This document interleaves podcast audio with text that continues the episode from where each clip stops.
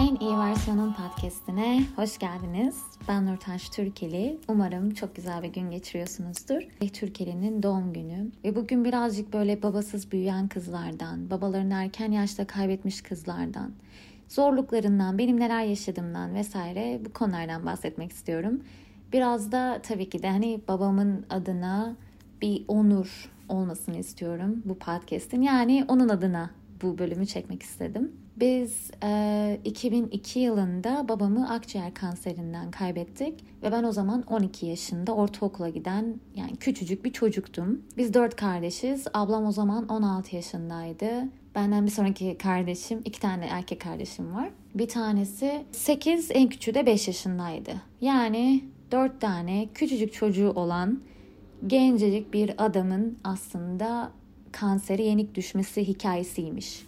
Şimdi 30 yaşına geldiğim için bu hikayeyi daha farklı bir pencereden görüyorum. Çünkü ben daha küçükken 12 yaşındayken bir babanın ölmesi e, yaş yaş olarak şöyle geliyordu bana. E, zaten yaşlıydı. Hani çünkü 49 çok büyük bir yaş gibi geliyordu o yaşlardaki çocuk için. Zaten yaşlıydı. İşte o yaşlarda kanser olmak normal. O yaşlarda vefat etmek normal hani gibi düşüncelerle aslında bunu normalize etmeye çalışarak adapte olmaya çalışmışım. E tabii ki de hani survival derecesinde olduğu için çocuğun o anlamda ne tür bir mantık kurduğu önemli değil ama şimdi 30 yaşına geldiğim için az önce hatta günlüğümü yazarken babamın yaşının e, evrelerini yazmaya başladım. Yani şöyle 32 yaşında evleniyor, 33 yaşında ilk çocuğu oluyor, sonra 37 yaşında, sonra 41 ve en son 44 aslında şu anda düşündüğümde inanılmaz genç yaşlar.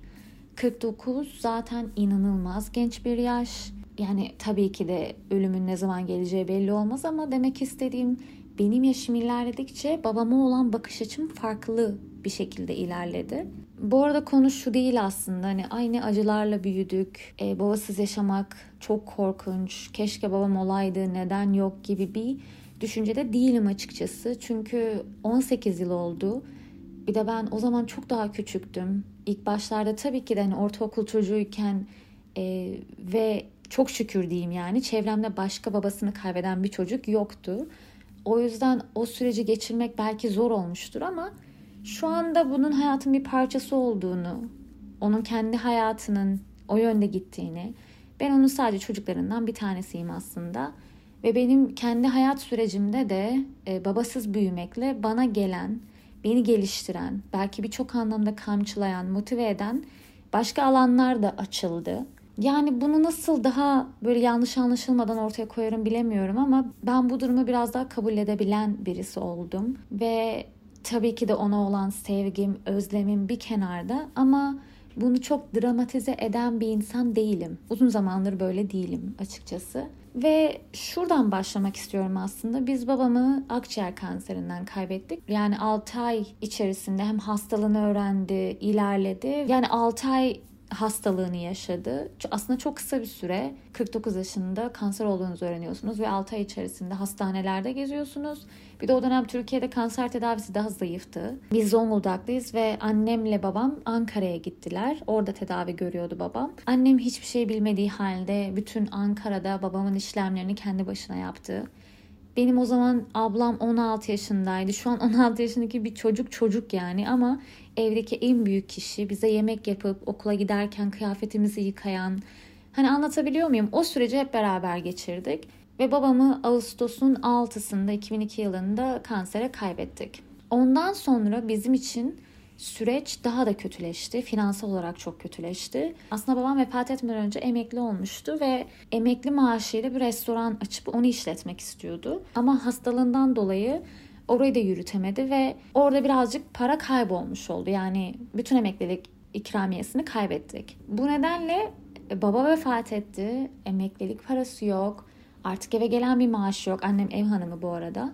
Biz böyle bayağı kötü bir eve taşındık o dönem. Ee, böyle hatta annemin çeyiz döneminde aldığı böyle ipek yorganlar, el göz nuru işlenmiş o güzel el işleri olan bütün e, ne diyeyim yani o çeyiz ürünleri hepsi fareler tarafından yendi. Hani öyle bir ev düşünün. Bayağı farelerle falan yaşıyorduk yani. Ben yine 12-13 yaşlarındayım. Bir de bizde şöyle bir şey oldu. Babadan önce yani babanın vefatından önce ben bizim durumumuzu çok iyi zannediyorum. Çünkü benim babam para harcamayı çok seven bir insandı. Ve o çocuk yaşta yani parayı çok anlamadığınız için bankada ne var ne yok bilmiyorsunuz. Babam evine her şeyi alan, her gün eve dolu dolu gelen, çocuklarına sürekli bir şeyler alan. Mesela kapıyı her açtığımda elinde kocaman poşetler ve çocuğa ne getirebilirsiniz? Abur cubur yani. Hani cipsler, çikolatalar, bir sürü şey. Ya da mesela şöyle bir şey yapardı. Kısımda biraz duygulandım.